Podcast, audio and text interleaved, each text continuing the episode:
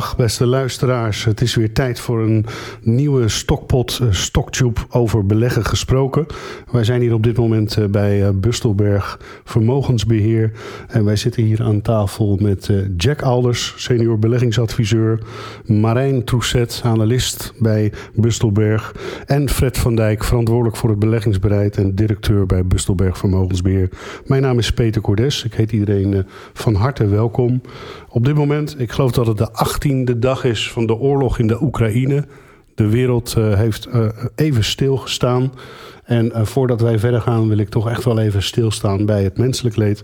En alle slachtoffers die in de Oekraïne aan het vechten zijn voor hun leven of voor hun be bestaan. Het is verschrikkelijk. Tegelijkertijd gaat ook de wereld door. En krijgen wij op dit moment ook veel vragen uh, over nou, hoe we nu moeten omgaan met deze marktomstandigheid. En daarom wil ik uh, met de heren hier aan tafel het gaan hebben over uh, drie dingen. wel of geen recessie, in of uitstappen in volatiele markten. En uiteindelijk vraag ik aan een ieder hier, waar liggen de kansen? Um, Klaas Knot was uh, gisteren in een interview. Uh, uh, zei hij dat in een negatief scenario. de inflatie wel eens naar de 9,5% zou kunnen gaan. de inflatie was al hoog. En die was al eigenlijk aan, het, aan het stijgen. op het moment dat het economisch natuurlijk goed ging. De wereld ging na COVID een beetje open. En op dat moment. Uh, viel Rusland de Oekraïne binnen. En naar aanleiding daarvan is uh, economisch gezien uh, volledig het Russische, de Russische economie volledig lam gelegd. Met andere woorden, veel schaarste, veel zaken die we niet kunnen kopen op dit moment. Um, dat leidt tot een versterking van de inflatie. Fred, hoe zie jij die uitspraak van meneer Klaas Knot? Nou, ik vind dat toch wel een beetje onze eigen dokter Doom en Gloom aan het worden om met zo'n negatief scenario naar voren te komen. Uiteraard zijn er lange en korte termijn effecten. En inderdaad, de inflatie was er, gaat voorlopig niet weg en blijft op een hoog niveau. Maar 9,5 procent, daar geloven wij niet in. Dan, dan, heb je zelf een indicatie eh, voor, eh, voor, voor, voor dit jaar, om, om een range eh, te noemen of een percentage? In deze tijd is het heel moeilijk om natuurlijk daar harde uitspraken over te doen. Maar de vraag vanuit de economie is nog steeds heel erg hoog. Inderdaad, je praat niet meer over corona, dat is voorbij. De vraag vanuit de economie, vanuit de consument, is ongekend krachtig. Dus dat er op een gegeven moment door prijzen gaan stijgen, dat zagen we al. En nu zien we een ander fenomeen, en dat is hamsteren in feite. Ook hele grote bedrijven zien natuurlijk tekorten aan ijzererts, aan nikkel, aan olie en gas. En proberen zo snel mogelijk hun voorraden op peil te brengen. Dat geeft even een hele grote schok in de markt, waardoor die inflatie gaat pieken. Maar 9,5 procent, nogmaals, daar geloven wij niet in. We denken dat voor dit jaar de inflatie in Nederland bij de 6, 6,5 procent zou komen te liggen. En dat is binnen Europa aan de hoge kant. Voor Europa als geheel zal dat een ietsje onder die 6 procent uitkomen. Oké, nou dat is toch een, eh, een, een, iets ander verhaal. Nou, nou moet ik ook wel zeggen is dat als je uh, goed tussen de regels doorleest in dat interview, dan, dan heeft hij het ook over een uitzonderlijk scenario en een piek, uh, piekmoment. Um, die, die inflatie, die, um, ja, die wordt nu een halt toegeroepen eigenlijk door de centrale bank. Hè? Want die beginnen te bewegen. De Federal Reserve heeft al aangegeven wij gaan een, de, de, de beleidsrente uh, met een kwartje verhogen. En naar alle waarschijnlijkheid komen daar nog zes verhogingen bij. Dat heeft natuurlijk wel zijn impact op de financiële markten. Uh, Marijn, ik vraag jou, zie je daar een, een probleem ontstaan? Of denk jij dat het juist goed is dat die beleidsrente en daarmee uiteindelijk ook de kapitaalmarktrente wat gaat stijgen? Nou ja, het lijkt mij uh, meer dan logisch dat dat uh, gebeurt, aangezien het economisch de vooruitzichten zijn goed. Dus dan is het ook uh, natuurlijk belangrijk dat dat gebeurt, aangezien we natuurlijk al nu een twee jaar met een 0% rente en dat er heel veel geld is bijgeprint. Lijkt mij dat de, de beste, beste optie wat dat gebeurt. Natuurlijk, er zullen dan inderdaad bedrijven tussen zitten die zonder die tegen nul rente geld hebben geleend, die het moeilijker gaan krijgen. Maar dat zuivert dan eigenlijk alleen maar de slechte bedrijven eruit. Ze zullen de, de goede bedrijven zullen eigenlijk alleen maar overblijven. Daar verandert fundamenteel niks aan. Dus dat zie ik wel als een goede ontwikkeling, ja. Oké, nou dat klinkt geruststellend. Uh, maar toch kunnen we dan ook een probleem krijgen. Stel dat die inflatie misschien niet zo hard zakt en die rente stijgt. En we hebben als gevolg van de ellende in de Oekraïne, misschien zowel in Europa als in Amerika, even een, een, een, een hiccup in de economische groei. Um, kijk ik toch weer even naar jou, Fred. Um, um, dat zou kunnen leiden tot een recessie. Technisch is een recessie een, een opeenvolging van twee kwartalen waarin er geen economische groei is. Hoe zie jij dat? Economen hebben een hekel aan verrassingen. En dit was al een hele negatieve verrassing natuurlijk. Uiteraard heeft dit effect op onze economie en die zal op een lager groeipad uitkomen. We denken dat hier in Nederland de groei ongeveer 1, 1,5 punt lager zal komen te liggen. En dat zal niet evenredig over het hele jaar verdeeld zijn. Dus één of twee kwartalen met een nul of misschien ietsje daaronder, het zou kunnen. Maar dan nog blijft voor het gehele jaar de plus staan. Een echte recessie, die komt er niet aan. Nee. Jack, hoe zie, hoe zie jij dat? Jij spreekt natuurlijk dagelijks klanten. Uh, jij speurt ook de markten af op, op het nieuws. Hoe, uh, hoe, hoe zie jij dat of hoe leeft dat bij klanten op dit moment? Is men bang? Nou, zeker. Klanten zijn, uh, zijn ja, vooral verontrust. Uh, die zien het natuurlijk ook gebeuren. als ze in de supermarkt staan, dat, dat alles duurder wordt. Sterker nog, ik las vandaag een, een verhaal dat, dat er, dat er geen olijfolie meer is of olie om, om te bakken. Ja, schaarste, dat, dat, dat leidt tot hogere prijzen. En, ja, en mensen zien dat toch wel in de portemonnee ook terugkomen. Ja. En zijn ze ook benauwd over de ontwikkelingen op de financiële markten? Of is daar wel nog wat rust te vinden? Ik vind eigenlijk dat de, uh, de, de telefoontjes vanuit, uh, vanuit het publiek, de klanten, dat dat, dat dat heel erg beperkt nog is. Mensen zien het nog niet, overzien het nog niet wat, wat er allemaal gebeurt aan de achterkant ja, van de financiële markten. En ja, er, er, is absoluut nog geen sprake van paniek. Nee. Denk jij dat er een recessie komt? Ik denk het niet. Nee, uiteindelijk, uiteindelijk niet. Want, Nee, ik zie het ook niet uh, heel snel gebeuren. In ieder geval geen langdurige. Natuurlijk, wat uh, Fred ook zegt, er zullen best wel, het zou best kunnen dat het twee kwartalen of een kwartaal een, uh, geen groei is of een hele kleine min. Maar ik zie geen langdurige recessie het ontstaan. De economische vooruitzichten zijn goed. De koopkracht stijgt. Dus dat is, lijkt mij sterk dat het, het consumentenvertrouwen bijvoorbeeld heel, heel hard gaat dalen aankomende tijd. Ja. Nou, dat, dat, het is goed om te vernemen dat aan tafel er ondanks uh, de dramatische gebeurtenissen toch wel enige positiviteit nog, nog aanwezig is. Daar ben ik eigenlijk wel blij mee. Um, we gaan dus eigenlijk, het antwoord op de eerste vraag is: we verwachten geen recessie. En als die recessie er komt, dan zal dat inderdaad een technische recessie zijn. Maar op de, op de wat middellange termijn of op een jaar gezien, zal de kracht van de economie, die, die er nu is wereldwijd, ook uh, dit probleem uh, als het ware vlot, vlot trekken. Gaan we naar het tweede onderwerp. Um, is altijd natuurlijk een heel makkelijk onderwerp. In of uitstappen in volatiele markten. De AX heeft vorig jaar, ik meen, net iets boven de 830 punten gestaan. En in het dieptepunt zijn we volgens mij uh, eigenlijk op het niveau van uh, januari 2020 beland. Dus eigenlijk voordat de coronacrisis uitbrak. Ik meen dat dat onder de uh, eh, 630 punten was. Toch een verschil van zo'n zo'n kleine 20 procent. Um, ja, wat doe je dan? Blijf je zitten? Um, zie je nieuwe kansen omdat de rente ook nog steeds laag is en ga je instappen? Uh, stel dat je nog wat geld aan de zijlijn hebt. Wat, uh, wat ga je doen? Uh, Jack, hoe, hoe zie jij dat? Spreek je eens uit over in- of uitstappen in volatiele markten. Wat kan jij de luisteraar en de kijker voor wijs brengen? de ervaring leert wel dat, dat, dat dit uiteindelijk voor de lange termijn goede instapmomenten zijn. meestal na een oorlog dan gaan de financiële markten toch weer terug naar de, de, de orde van de dag. En, en gaat men weer kopen. Waar je heel goed uh, naar moet kijken is denk ik naar uh, de, uh, de waardering van, van, van, van de bedrijven. En met name de... Ja, ik denk dat het meest interessant is om nu te kijken naar de, de value aandelen. Die, waarvan je gewoon weet dat ze uiteindelijk het, een goed dividend kunnen betalen. Dividend kunnen verhogen op, op lange termijn. En ja, ik, ik zou wel voor wat zekerheid gaan kiezen. Ja. En, uh, sorry, niet- sorry Jack dat ik je onderbreek, Ja. maar het is altijd zo mooi is dat als je een vermogensbeheerder vraagt in of uitstappen, dan zegt hij altijd, eh, ja, maar het gaat om de lange termijn.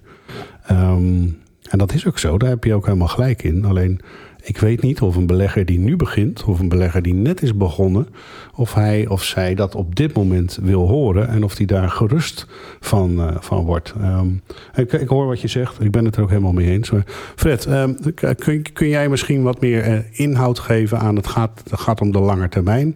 Wat, wat, hoe zie jij dat eh, in- of uitstappen in deze, in deze volatiele markten? Ja, het gaat inderdaad om de, zowel de korte als de lange termijn. De beweging die we nu zien, volatiliteit is zo'n mooi woord daarvoor, geeft heel goed aan dat de belegger onzeker is. Hij weet even niet goed wat hij moet doen, maar wat hij zeker niet moet doen is inderdaad uit de markt stappen. Wat hij wel moet doen is inderdaad kijken naar de lange termijn effecten van wat er nu gaande is. Het is wat Jack zegt, op de lange termijn komt het allemaal goed. Maar dat wil niet zeggen dat het met je huidige portefeuille in de huidige samenstelling goed komt. Je moet iets doen, je moet de bordjes verhangen. Marijn, eh dank je Fred. Marijn, jij vertegenwoordigt de, de, jonge generatie. Ja. Ehm, hè, jij, jij ziet nog minder bieren op de weg dan Fred, eh, Jack en ik. Hoe, eh, hoe zie jij dat als je naar die vraag kijkt, in of uitstappen? Nou ja, voor mij is het natuurlijk wel, ik inderdaad als jonge belegger, als ik dat zeg maar kan representeren van, ik denk dat de meeste, eh, zoals ik, ehm, niet het value beleggen in die zin is dus natuurlijk de, wat de meest geslaagde manier, wat je ook vaak hoort. En dat is de meest bewezen manier hoe je het het best kan doen. Alleen eh, uit de theorie leert ook dat dat gewoon heel veel ervaring en tijd kost om dat goed te leren. Om dat echt goed te kunnen waarderen op een, een value bedrijf. Dat dat zoveel tijd kost. En op, ja, zelf ben ik wat meer eh geïnteresseerd in groeibedrijven. Dus ik, hou, ik vind technologie een hele interessante sector. En dat, eh, ja, dus die, dat soort bedrijven vind ik eigenlijk interessanter. Dus dat is gewoon mijn strategie, is meer kijken naar, eh, naar de toekomst. Dus kijken van nou, welke bedrijven eh, doen het nu, zitten echt in, zijn heel erg aan het investeren in groei en kunnen later over een tijdshorizon van vijf tot tien jaar ja, de nieuwe grote namen worden. Dat is meer mijn eh, manier hoe ik er naar kijk. En ik vind juist als je nu kijkt naar de waarderingen waren natuurlijk heel hoog in 2020. Dat zagen we natuurlijk terug dat eh, die bedrijven eigenlijk er was natuurlijk helemaal geen risico. Eh, de rente op nul, dus iedereen kon geld stoppen in speculatieve bedrijven, crypto, dat soort dingen. Dat hebben natuurlijk heel erg gezien. En nu zien we met de verhoging van de rente dat de bedrijven aardig wat van hun waardering is afgehakt. Want de groei voor uitzichten werd natuurlijk minder. Dus daarin zien we terug, oké, eh, die waarderingen zijn een stuk eh, aangetast. Dus wat je ook aangaf, de AX staat net zo hoog als voor corona. Dus ik ben meer aan het kijken, nou, welke bedrijven waar fundamenteel niks aan veranderd is, zijn nu misschien eh, interessante koopkansen geworden. Ja, Dus jij, bl- jij blijft eigenlijk, je zegt van nou, ik blijf mijn nek uitsteken in die zin dat ik groei voor de toekomst nastreef. Hè. Dat zijn de bedrijven die jij interessant vindt. Ja. Ook al worden die bedrijven op dit moment juist het hardst afgestraft. En, hè, ik denk dat dat niet alleen met eh, de Oekraïne te maken heeft. Maar dat dat natuurlijk ook eh, eh, een gevolg is van het feit dat de markt die renteverhogingen of een verhoging van het renteniveau eh, voorziet. Ja, groei, groeibedrijven zijn nou eenmaal niet populair als de rente gaat stijgen. Nee, inderdaad. We zien natuurlijk de, de welbekende rotaties van groei naar waarde. Dat was natuurlijk in corona was inderdaad dus de rotatie naar groei. En nu zien we eigenlijk de rotatie terug naar waarde.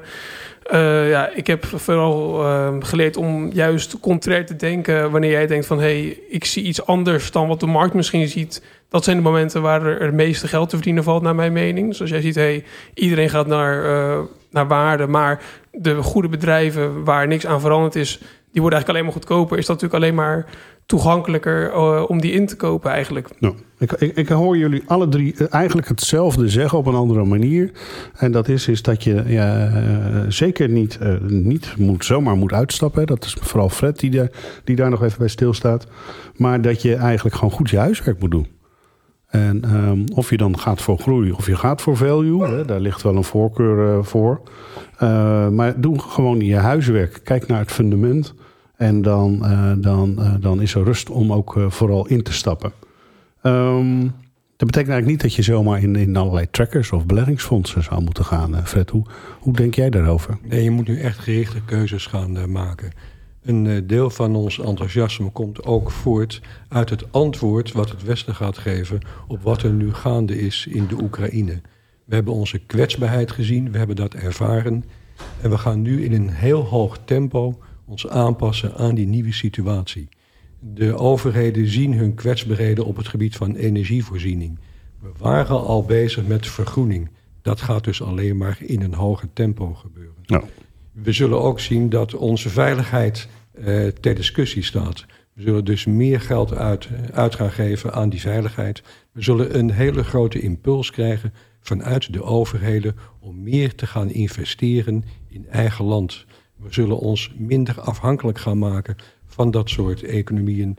Dat heeft een aanpassingstijd nodig, maar daar gaat het geld naartoe.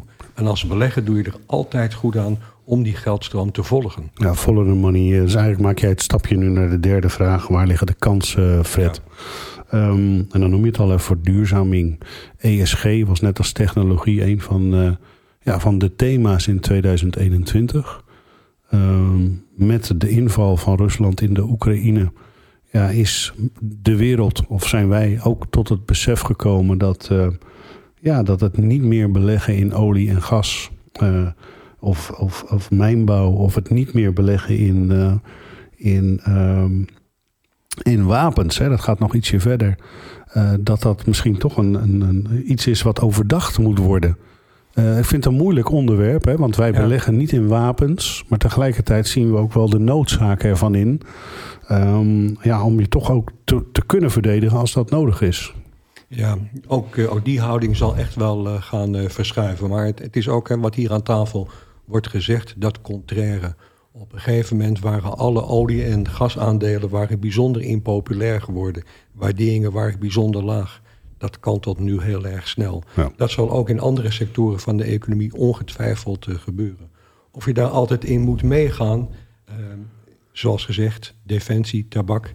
Het zijn geen sectoren waar wij als vermogensbeheerder ons in willen begeven. Maar dat de wereld om ons heen verandert, ja, dat is duidelijk. Ja, ja dat, dat, moet ik even toelichten. Is dat het, als je nou uh, de vraag hebt van joh, hoe kijkt nou men bij Bustelberg aan tegen ESG of verduurzaming?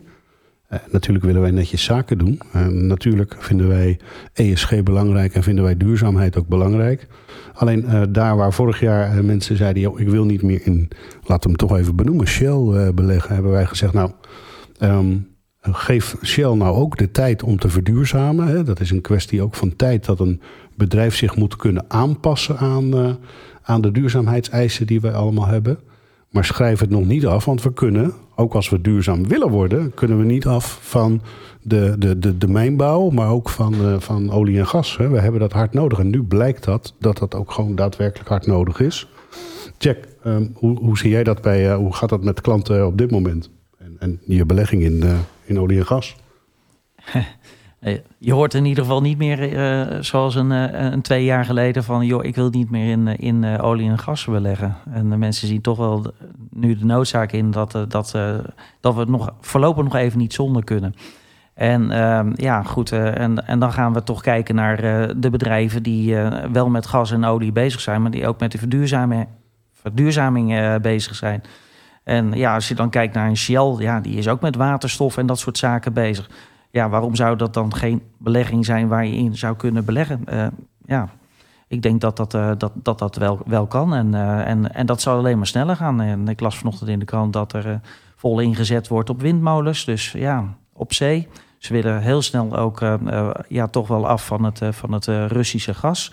Dus ja, daar moet geïnvesteerd worden. Ja. Volop kansen. Ja. Nou, de wereld in beweging hoorde dus Fred net zeggen: follow the money. Ehm, ik, ik probeer, als ik naar mezelf kijk, uh, zoveel mogelijk het contact te hebben met de klant en te vragen uh, waarom hij of zij iets wel of niet wil. En daar antwoord op te geven, of daar in ieder geval invulling aan te geven. Mm -hmm. um, Marijn, jij bent uh, groeibelegger, dus olie mm -hmm. en gas is misschien een, een, terrein waar jij je niet begeeft. Nee, Hoe zit dat? Klopt. Nou het is ook voor mij, als ik mijn beleggingen kies, kijk ik naar van, nou, wat is mijn uh, circle of competence? Dus wat begrijp ik wel, wat begrijp ik niet? En ik heb er ook gewoon totaal geen affiniteit mee. Ik zal nooit naar earnings calls of uh, de verslagen kunnen kijken van die bedrijven, want ik vind het gewoon niet interessant. Dus vandaar dat ik er eigenlijk uh, ja, me niet in begeven. Ik heb wel Shell gehad midden in corona, dus vanaf is het, juni 2020 heb ik het wel een tijd bijgehouden omdat uh, Shell toen nog niet echt duidelijk had aangegeven... Nou ja, wat, uh, wat de kansen zijn, wat gaan ze doen. Op een gegeven moment aangegeven... nou, we gaan pas rond 2030 willen wij verduurzamen. Dat was in de eerste instantie hadden ze dat aangegeven. En toen ben ik er zelf uitgestapt, want vond ik te laat. En, uh, volgens mij zijn ze nu wel inderdaad, dat jij ook zegt... eerder toch hebben, zijn ze daarvan teruggekomen. Ze hebben eigenlijk dat management omgegooid... op het gebied van verduurzaming. Dus ja, dat is ook nu veranderd in, in mijn opinie. Maar... Oké, dus je kijkt, je kijkt er wel naar. Je zegt, ik volg het niet.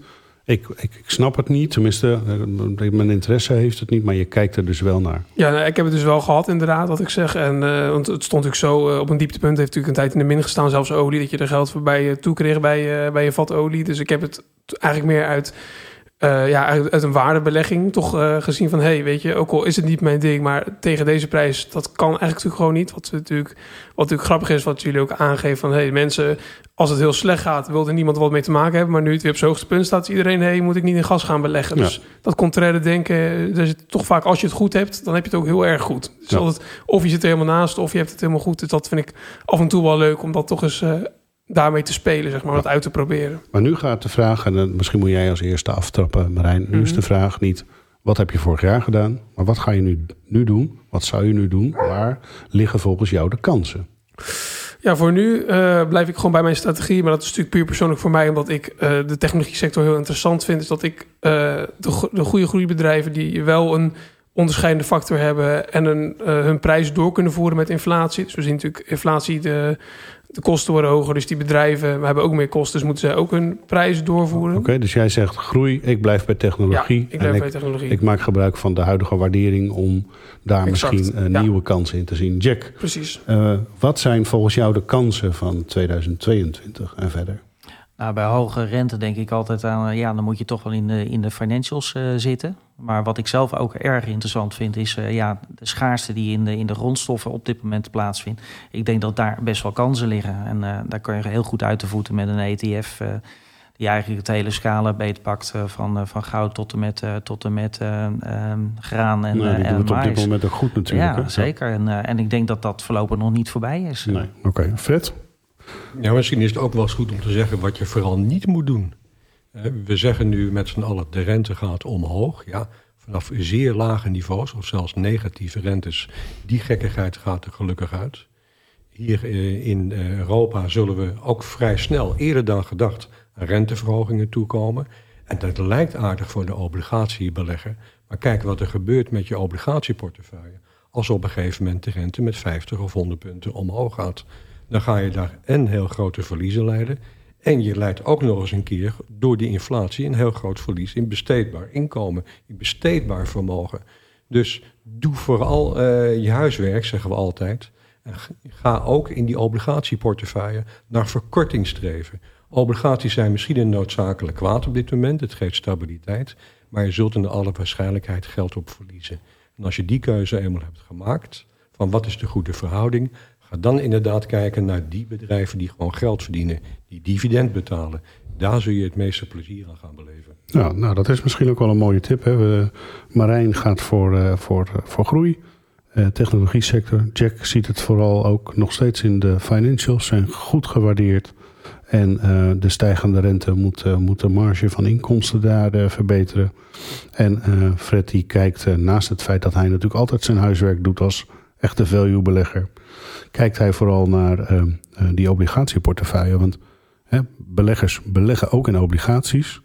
En als je blijft zitten onder het mom van... nou, ik krijg toch mijn couponnetjes... en uiteindelijk krijg ik ook mijn geld terug, nominaal... dan kun je wel eens een heel slecht jaar gaan krijgen als de rente gaat stijgen. Ik ben het er helemaal mee eens. Um, ik wil de heren graag bedanken voor, uh, uh, voor uh, hun wijsheid. Dit was weer um, de zoveelste Stokpot Stocktube over beleggen gesproken. We zitten hier bij Bustelberg en we gaan het meemaken. Dank voor uw aandacht.